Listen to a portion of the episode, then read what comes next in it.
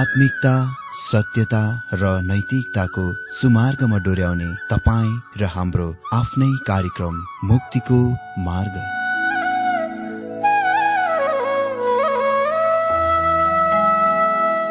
आदरणीय श्रोता यस मुक्तिको मार्ग कार्यक्रममा हार्दिक स्वागत छ आशा छ यस आत्मिक कार्यक्रमद्वारा जीवनमा आत्मिक आशिष अलौकिक शान्ति र आनन्द प्राप्त गर्नुहुनेछ। र जीवनमा धन्य अनुभव गर्नुहुनेछ। आउनुहोस् श्रोता मन र आत्माको तयारीको लागि यो मिठो अनि मधुर भजन गीत सुनौ।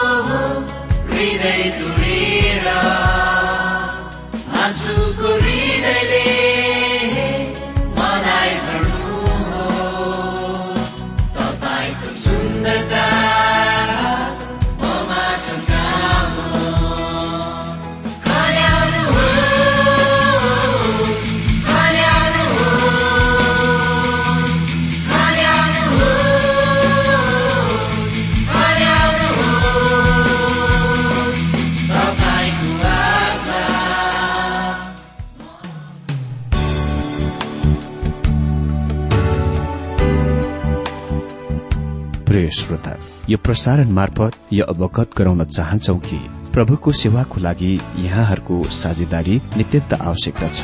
यहाँहरूले प्रार्थनाको साथसाथै आर्थिक सहायता गर्न अनुरोध गर्दछौ। तपाईँहरूको सानो भन्दा सानो भेटी किन नहोस्? हामी प्रभुको नाममा स्वीकार गर्नेछौ। प्रभुको सेवाको लागि। तपाईँहरूको यो सानो लगानीले कसैको जीवनमा भिन्नता ल्याउँछ अनि प्रभुको महिमा हुन्छ। प्रभु तपाईँहरूलाई महान गरी आशिष दिनुहुनेछ। इच्छुक श्रोताहरूले तपाईँको इच्छा भेटी हाम्रो ठेगानामा पठाउन सक्नुहुन्छ जुन ठेगाना हामी कार्यक्रमको अन्तमा दिनेछौ। प्रिय श्रोता मित्र प्रभु येशु ख्रिष्टको मधुर अनि सामर्थ्य नाममा मेरो जयमसी अनि हार्दिक स्वागत छ आजको यो बाइबल अध्ययन बाइबल अध्ययन कार्यक्रममा। श्रोता म आशा गर्दछु तपाई सबै आज पनि बाइबल अध्ययनको निम्ति मनको तयारीको आइपुगिसक्नु भएको छ आफ्नो आफ्नो रेडियोको सेटमा। श्रोता पवित्र धर्मशास्त्र बाइबलको क्रमबद्ध अनि श्रृंखलाबद्ध अध्ययनको क्रममा अघिल्लो दिनमा हामीले जकरिया दश अध्याय। एकदेखि तीन पदबाट इसरायलको छल धोकाको लागि दण्ड विषयबाट बाइबल अध्ययन गरिरहेका थियौं। आज हामी जकरिया दश अध्यय चारदेखि बाह्र पदबाट बाइबल अध्ययन गर्नेछौ। यहाँ हामी देख्छौ मसिहाको भविष्यवाणी। उहाँले भविष्यतिर अहिले नजर लगाउनुहुन्छ। जब मसिहा आउनुहुनेछ अनि म विश्वास गर्दछु उहाँलाई यस पदमा स्पष्ट रूपले पहिचान गरिनु भएको छ। जकरिया दश अध्ययको चार पदमा यस प्रकार लेखिएको छ यहुदाबाट कुनै ढुङ्गो त्यसबाट पालको किल्ला त्यसबाट लडाईँको धनु र त्यसैबाट हरेक निस्कनेछ। हजुर कुनै ढुङ्गालाई निर्माण बनावटमा राखिन्दछ जहाँ दुई पर्खालहरू नब्बे डिग्रीको कोणमा भेट्दछन्। वर्गकार कुनै ढुङ्गा त्यहाँ फिट गरिन्दछ। मित्र यो ख्रिस्टको कुनै ढुङ्गाको रूपमा अद्भुत तस्विर हो किनभने त्यहाँ दक्षिणी राज्य यहुदाको र उत्तरी राज्य इसरायलको दश कुलको पर्खाल थियो। सन्देश यो हो कि ख्रिस्ट तिनीहरूलाई एकत्रित गर्ने र सधैँको निम्ति तिनीहरूलाई एकसाथमा ल्याउने कुनै ढुङ्गा बन्नुहुनेछ। तर उही समयमा यो कुनै ढुङ्गाको यसभन्दा पनि फराकिलो अर्थ छ। यसले अर्को अति नै अद्भुत तस्विर पनि दिन्छ। यो कुराको ध्यान दिउँ कि भविष्य वक्ता यसैयाले यसको बारेमा लेखेका छन्। यसैया अठाइसको सोह्र पदमा यसकारण सर्वोच्च परमप्रभु भन्नुहुन्छ हेर मैले सियोनमा एउटा ढुङ्गा बसालेको छु एउटा जाँचेको ढुङ्गो दृढ जगको निम्ति एउटा बहुमूल्य कुनै ढुङ्गो। भरोसा गर्नेले कहिले हरेस खाने छैन। पत्रुसले यसको आफ्नो पत्रमा उद्धृत गर्छन् र यसको स्पष्ट बनाउँछन् कि कुनै ढुङ्गो ख्रिस्ट हुनुहुन्छ। पहिलो पत्रुस दुई अध्ययको छ पदमा लेखेको छ किनभने धर्मशास्त्रमा भनिएको छ हेर सियोनमा एउटा छानिएको र बहुमूल्य कुनेगा म बसाल्छु र जसले उहाँमाथि विश्वास गर्छ त्यो शर्ममा पर्ने छैन।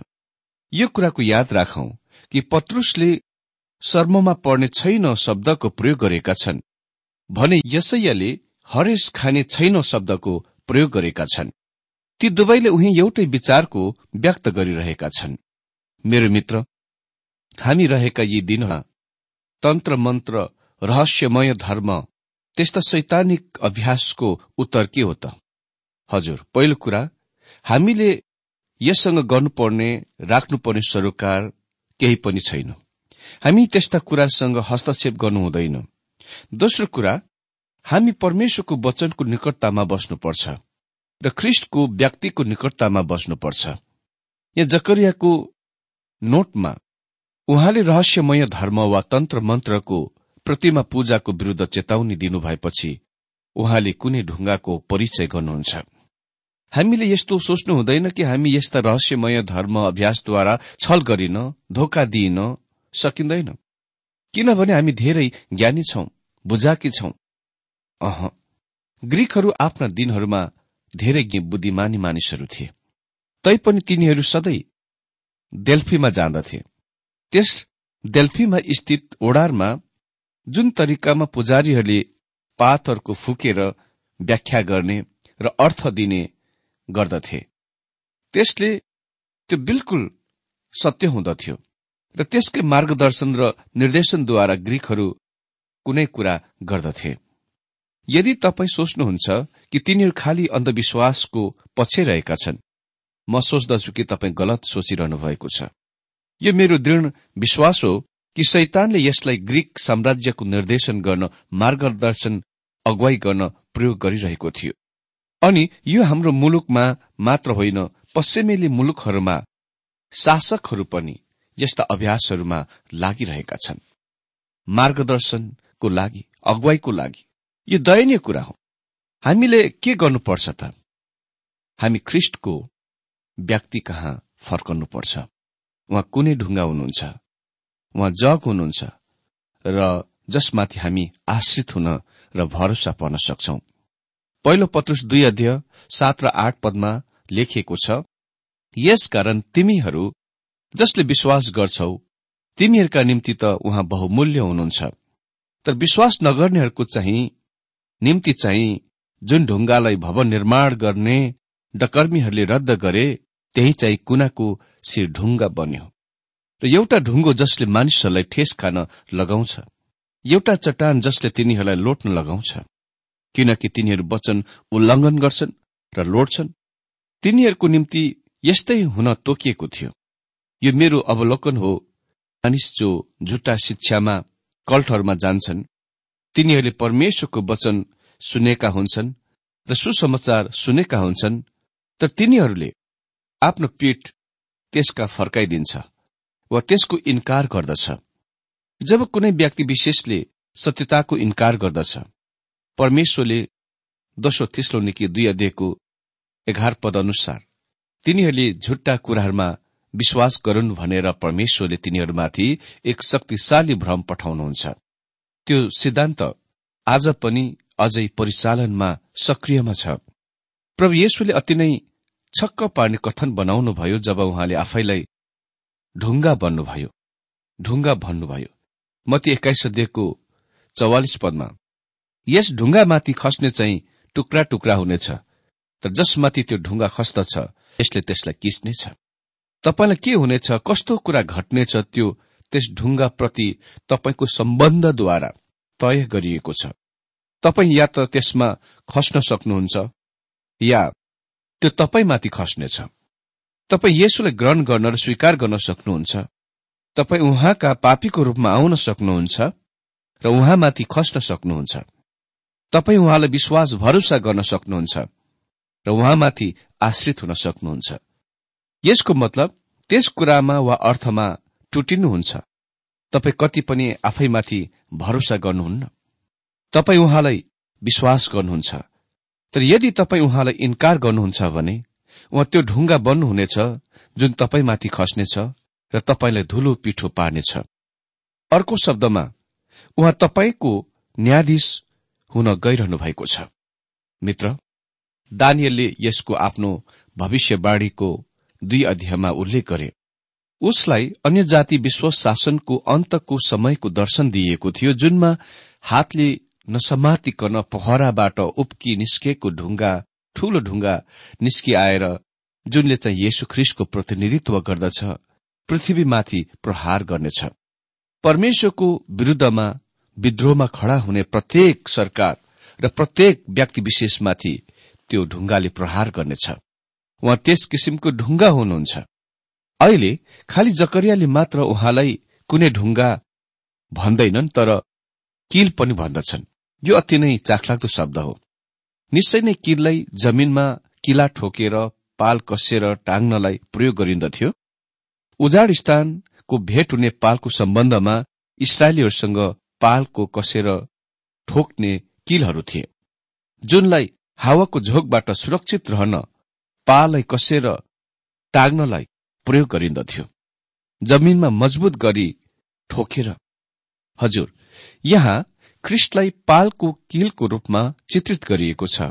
उहाँ नै एक हुनुहुन्छ जसले ठोकेर कसिकन मजबुत पकडमा गाडिदिनुहुन्छ र हामीले उहाँलाई विश्वासमा त्यस किसिमको पकड बनाउन अनुमति दिन आवश्यक छ। ओ यो उहाँको सम्बन्धमा कस्तो तस्विर छ? साथै किल्लाई अर्को काममा र अर्को तरिकामा प्रयोग गरिन्दथे। पालका किल्लाहरूलाई पालको भित्र कुनै चिज बीजलाई झुण्ड्याउन प्रयोग गरिन्दथे। स्त्रीहरूले आफ्ना आभूषण गरगहना आफ्ना कपडाहरू त्यसमा झुण्ड्याउन सक्थे र पुरूषहरूले त्यसमा आफ्ना बहुमूल्य कुराहरू झुण्ड्याउँदथे यसले ख्रिस्टलाई त्यो व्यक्तिको रूपमा चित्रित गर्दछ जसमा पिताले उहाँको सम्पूर्ण महिमा झुण्ड्याउनुहुनेछ यसैया बाइस अध्यय बाइस र तेइस पदमा लेखिएको छ दाउदको घरनाको साँचो म त्यसको कानमा राख्नेछु। त्यसले जे खोज्छ त्यो कसैले बन्द गर्ने छैन? र त्यसले जे बन्द गर्दछ कसैले त्यो खोज्न सक्दैन। म त्यसलाई बलियो ठाउँमा किला चाहिँ गाड्नेछु। त्यो आफ्नो बाबुको घरको निम्ति एउटा सम्मानको आसन हुनेछ।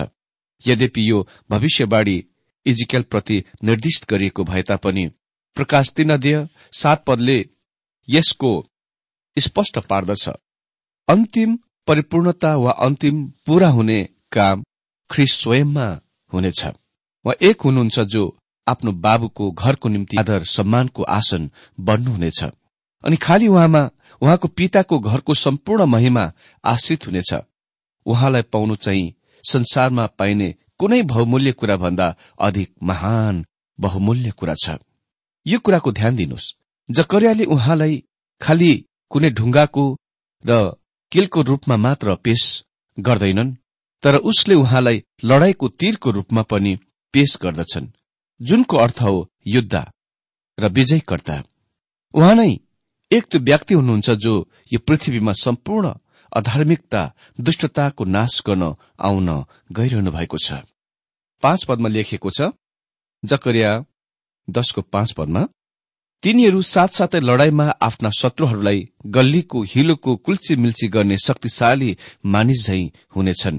किनभने परमप्रभुतिसँग हुनुहुनेछ तिनीहरूले लडाईँ गर्नेछन् र घोडामा सवार हुनेहरूलाई पराजय गर्नेछन्।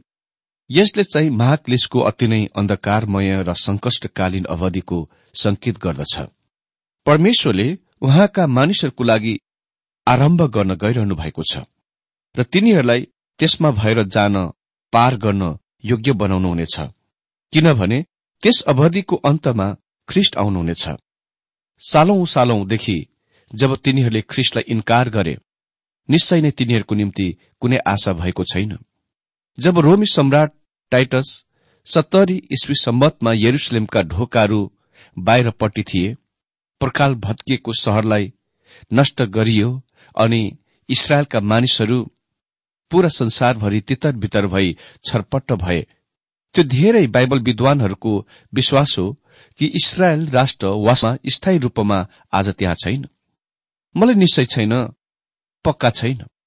तर परमेश्वरको वचनको बिल्कुल सही अर्थ खोलाइ के हो भने तिनीहरू फेरि इसरायलको मुलुकबाट धपाइनेछन् र अन्त्यमा परमेश्वर स्वयंले तिनीहरूलाई तिनीहरूका आफ्ना मुलुकमा फर्काइ ल्याउनुहुनेछ।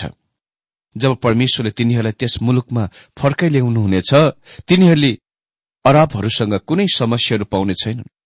बरु जब प्रभु येशुले तिनीहरूलाई पुनः भेला गराउनुहुन्छ र तिनीहरू त्यहाँ स्थायी रूपमा हुनेछन् र संसारको निम्ति आशिष बन्नेछन्। छ पदमा लेखिएको छ म यहुदाको घरनालाई बलियो पार्नेछु र योसेफको घरनालाई बचाउनेछु। म तिनीहरूको पुनर्स्थापन गर्नेछु किनभने म तिनीहरूमाथि ठिट्याउनेछु। मैले तिनीहरूलाई इन्कार नगरे झै तिनीहरू हुनेछन् किनभने म परमप्रभु तिनीहरूका परमेश्वर हुँ। र म तिनीहरूलाई उत्तर दिनेछु। म यहुदाको घरनालाई बलियो पार्नेछु र योसेफको घरनालाई बचाउनेछु। यहुदाको घरना निश्चय नै दक्षिणी राज्य यहुदा हो र युसुफको घरना उत्तरी राज्य इसरायल हो। त्यसको मतलब सम्पूर्ण राष्ट्रले आनन्दमय विजय आइरहेको आशिषको बाँड्ने छ। जकरियाको समयमा पनि आफ्ना मुलुकमा बाबेलको कैदपछि कम संख्यामा ती इसरायलीहरू फर्केका थिए। र ती फर्किएका ती इसरायली प्रतिनिधिहरूमा सबै कुलका यहुदीहरू थिए। यो हामी जान्दछौ किनभने प्रतिनिधि मण्डल बेतेलबाट आएथे र त्यो उत्तरी राज्य इसरायलको एक राजधानी थियो। अहिले किन परमेश्वर तिनीहरूलाई यो अन्तराल विरामको अवधिमा सुरक्षा गर्नुहुन्छ जुनलाई हामी पुरानो नियम र नयाँ नियम बीचको विराम अन्तराल समय भन्दछौ हजुर उहाँको उत्तर हो किनभने म तिनीहरूमाथि ठिटाउनेछु हामी आफै स्वयंलाई त्यो उही प्रश्न सोध्न सक्छौ तपाईँ र मैले किन उद्धार पायौं? भन्दा तितस तीन नदीको पाँच पद अनुसार हामी आफैले धार्मिकतामा गरेका कामहरूबाट होइन तर उहाँको आफ्नै कृपा अनुसार परमेश्वर कृपामा धनी हुनुहुन्छ। उहाँले मलाई उद्धार गर्नको लागि यो प्रशस्त उहाँसँग हुनु परेको थियो। हुन सक्छ तपाईँ उद्धार गर्नलाई त्यो त्यति धेरै आवश्यकता थिएन उहाँलाई। उहाँ कृपामा धनी हुनुहुन्छ। उहाँसँग त्यो प्रचुर मात्रामा छ। अनि यो उहाँको कृपाको आधारमा उहाँले तिनीहरूलाई त्यस अवधिमा स्थित राख्नुभयो। पुरानो नियमको अन्तिम पुस्तक मलाकी लेखिसकिएपछि परमेश्वर मौन रहनुभयो चुप रहनुभयो। वा करिब चार सय वर्षसम्म चुपचाप रहनुभयो। त्यस मौनताको विराम वा अन्तरालमा इसरायलका मानिसहरूले सम्भवत कुनै समयमा भन्दा धेरै कष्ट यातना भोगे। यद्यपि परमेश्वर पुरानो नियममा मलाकी र नयाँ नियम नयाँ नियममा मतीको पुस्तक बीच अवधिमा मौन चुप रहनु भए तापनि हामीसँग दानियल र जकरियालाई दिइएको भविष्यवाणीको कारण के कुरा प्रचलित गरिएको थियो त्यसको अति नै असल रेकर्ड छ। जुनको हामी देखिरहेका छौं यहाँ। सात पदमा लेखिएको छ एफ्राइमीहरू चाहिँ शक्तिशाली हुनेछन् र दाखमध्य खाएर खुशी भए झै तिनीहरूका हृदय हुनेछन्। तिनीहरूका छोराछोरीहरूले त्यो देखेर रमहाट गर्नेछन्। तिनीहरूका हृदय परमप्रभुमा रमाउनेछ मित्र यदि सोच्नुहुन्छ वा यो विचार गर्ने व्यक्ति हुनुहुन्छ कि दश कुलहरू हराएथे भने एप्राइम एक त्यो नाम हो जुन परमेश्वरले उत्तरी राज्य इसरायलका दश कुलहरूको निम्ति दिनुभएको थियो। यदि तपाईँ त्यस कुराको जाँच्न चाहनुहुन्छ भने होसे कहाँ फर्कनुहोस्। यो कुराको ध्यान दिउ कि कति दयालु भावमा परमेश्वरले भन्नुभयो होसे एघार दिएको आठ पदमा ए एप्राइम म तँलाई कसरी छोडिदिन सक्छु र ए इसरायल म तँलाई कसरी दुश्मनको हातमा सुम्पिदिन सक्छु? मित्र परमेश्वरले तिनीहरूलाई त्याग्नु भएन। तिनीहरू हराएका छैनन्। उहाँको अनुग्रहद्वारा तिनीहरू राष्ट्रको रूपमा सुरक्षित गरिनेछन्। एप्राइमीहरू चाहिँ शक्तिशाली हुनेछन्। हजुर पुरानो नियमको अन्तिम पुस्तक मलाकी र नयाँ नियममा पहिलो पुस्तक मती बीचको करिब चार सय वर्षको विराम वा अन्तराल अवधिको बारेमा हामीसँग भएको रेकर्डहरूले हामीलाई अति नै राम्रो विवरणहरू दिन्छ कि कसरी इसरायलीहरू आरामी अर्थात सिरियन आक्रमणकर्ता एन्टिकस एफिफेनेसको विरूद्धमा खड़ा भए। यी इसरायली मानिसहरूलाई उसको सतावट खेदो अति नै भयानक थियो। तैपनि तिनीहरू त्यसको विरूद्धमा खड़ा उभिन योग्य हुन सके। एप्राइमीहरू चाहिँ शक्तिशाली हुनेछन्। अनि अर्को कुरा दागमध्ये खाएर खुशी भए चाहिँ तिनीहरूका हृदय हुनेछ। यो अति नै कठिनको अवधि थियो र तिनीपल्ट परमेश्वरबाट टाढा थिए तर उही समयमा त्यहाँ त्यस्तो अवधिहरू पनि थियो कि तिनीहरू प्रभुमा आनन्दित र खुशी हुन सकेका थिए। आठ पदमा लेखेको छ म तिनीहरूलाई इसाराले बोलाएर भित्र जम्मा गर्नेछु। म निश्चय नै मोल तिरेर तिनीहरूलाई छुटाउनेछु। तिनीहरू अघि जस्तै संख्यामा धेरै हुनेछन्। यो अनुमान गरिन्दछ कि रोमी सम्राट टाइटसद्वारा सत्तरी इस्वी सम्बतमा यरुसलेमको मन्दिर नष्ट गरेको समयसम्म इसरायलको मुलुकमा करिब एक करोड़ बीस लाख मानिसहरू थिए। जुन निश्चय नै आज त्यस मुलुकमा भएका यहुदी जनसंख्या भन्दा अति नै धेरै अधिक हो। परमेश्वर भन्नुहुन्छ म तिनीहरूलाई इसाराले बोलाएर भित्र जम्मा गर्नेछु। हामी जान्दछौ कि यो अहिलेसम्म पूरा भएको छैन किनभने ठिक अर्को पदले तिनीहरूको फेरि जाति जातिहरूको बीचमा राष्ट्रको बीचमा तितर बितर छटपट हुने कुराको बारेमा बताउँछ। यद्यपि ख्रिष्टको समयमा इसरायलमा ठूलो इसरायली जनसंख्या भए तापनि प्रभु येशुले यो बिल्कुल स्पष्ट पार्नुभयो यरुसलेम उहाँ यस पृथ्वीबाट जानु भएपछि नष्ट हुनेछ। उहाँलाई कही कतै लगभग तीस ईस्वी सम्बतमा क्रुशीकरण गरियो क्रुसमा टाँगियो र सत्तरी ईस्वी सम्बतमा यरुसलेमलाई नष्ट गरियो। अनि यहुदीहरू फेरि पूरा संसारभरि तितर बितर छरपट्ट भए। नौ पदमा लेखिएको छ नौ पदमा मैले तिनीहरूलाई जाति जातिहरूका बीचमा तितर बितर पारे। तापनि टाढा टाढा देशहरूमा तिनीहरूले मेरो सम्झना गर्नेछन्। तिनीहरू र तिनीहरूका छोरा छोरीहरू बाँच्नेछन् र फर्कनेछन्। मित्र यहाँ भनिएको छ फेरि फर्कनेछन्। केमा वा कसरी कहाँ फर्नेछन् त्यस मुलुकमा? अह होइन परमेश्वर कहाँ? हाम्रा दिनहरूमा त्यस मुलुकमा फर्केका यहुदीहरू परमेश्वरका फर्केका छैन अनि म अन्य बाइबल विद्वानहरूसँग बिल्कुल सहमत छु कि सम्भवत फेरि तिनीहरूलाई त्यस मुलुकबाट धपाइनेछ। र फेरि पूरा जाति जाति र राष्ट्रको बीचमा तितर बितर हुनेछन्। हामी जान्दछौ कि त्यस मुलुकमा केही अन्यलताका कुराहरू छन्। र धेरै यहुदीहरू त्यस मुलुकलाई छोडेर ती मुलुकहरूमा फर्किजान चाहन्छन् जहाँबाट तिनीहरू आएथे म विश्वास गर्दछु त्यो समय आउनेछ। ती यहुदीहरू आफ्नो मुलुकलाई फेरि छोड्नेछन्। दश पदमा लेखेको छ म तिनीहरूलाई मिश्र देशदेखि फर्काएर ल्याउनेछु र असुर देशबाट तिनीहरूलाई भेला गर्नेछु तिनीहरूलाई गिलाद र लेबनान देशहरूमा ल्याउनेछु र तिनीहरूलाई त्यहाँ यथेष्ट ठाउँ हुने छैन। भनिएको छ म तिनीहरूलाई मिश्र देशदेखि फर्काएर ल्याउनेछु।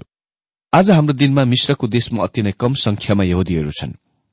म विश्वास गर्दछु यसले भावी तितर बितर छटपट्ट हुने कुराको दर्शाउँछ। अर्को कुरा तिनीहरूलाई गिलात र लेबनान देशहरूमा ल्याउनेछु। यदि तपाईँले यहोसुको पुस्तक अति नै होसियारपूर्वक पढ्नु भए र कहाँ कहाँ सिमानाहरू राखेका छन् त्यसको थाहा गर्नुहुन्छ।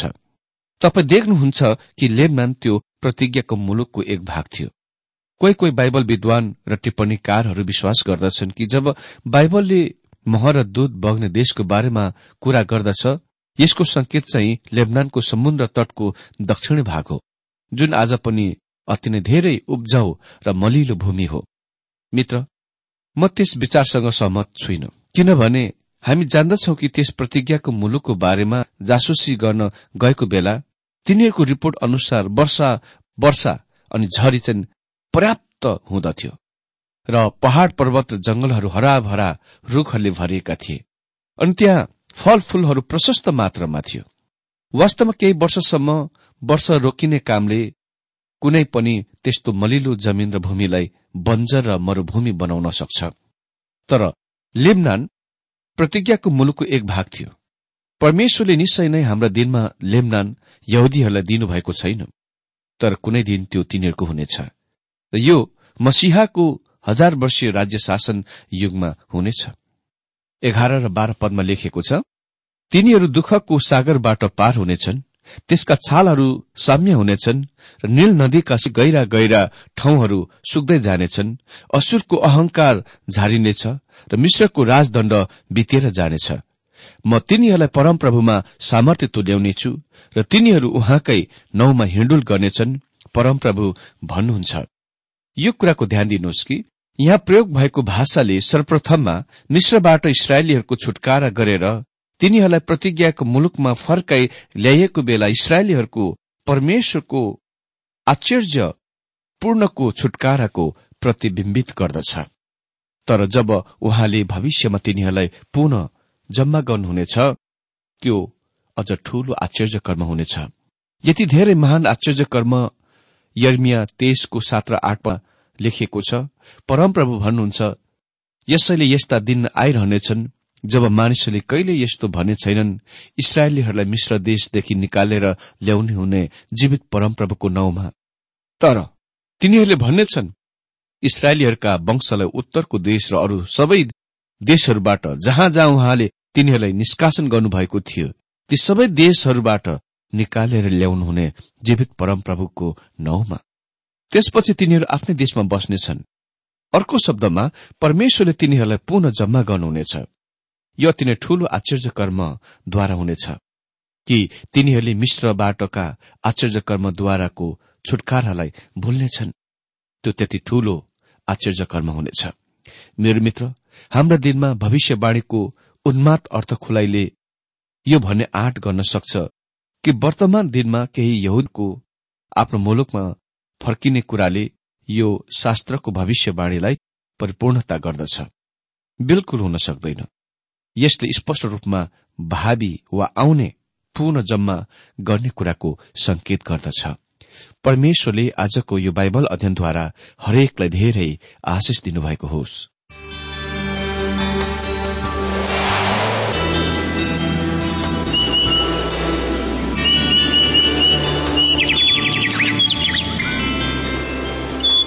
प्रिय श्रोता अहिले भर्खरै तपाईँले टीडब्ल्यूआर नेपालद्वारा संचालित आत्मिक कार्यक्रम मुक्तिको मार्ग सुनिरहनु भएको थियो। श्रोता आजको यो कार्यक्रम सुनेर तपाईँलाई कस्तो लाग्यो? यदि यो कार्यक्रम सुनेर मनमा कुनै खुल्दुली वा कुनै प्रतिक्रिया अर्थात सुझावहरू छन् भने हामीलाई पत्रद्वारा लेख्न सक्नुहुनेछ। हामी हृदयदेखि नै स्वागत गर्नेछौ स्वीकार गर्नेछौ साथै बाइबल सम्बन्धित प्रचारहरू कार्यक्रम सारणीहरू हामी अनुरोधमा पठाउन सक्छौ। अनि तपाईँसँग कुनै प्रार्थनाको विषय छन् भने हामीले तपाईँको लागि प्रार्थना गरेको चाहनुहुन्छ। भने प्रभुमा आफ्नै परिवार सम्झेर हामीलाई पत्रमा लेख्न सक्नुहुनेछ। तपाईँको लागि हामी प्रभु येशुसँग प्रार्थना गर्नेछौ। अधिक जानकारी र पत्रचारको लागि हाम्रो ठेगाना यस प्रकार छ।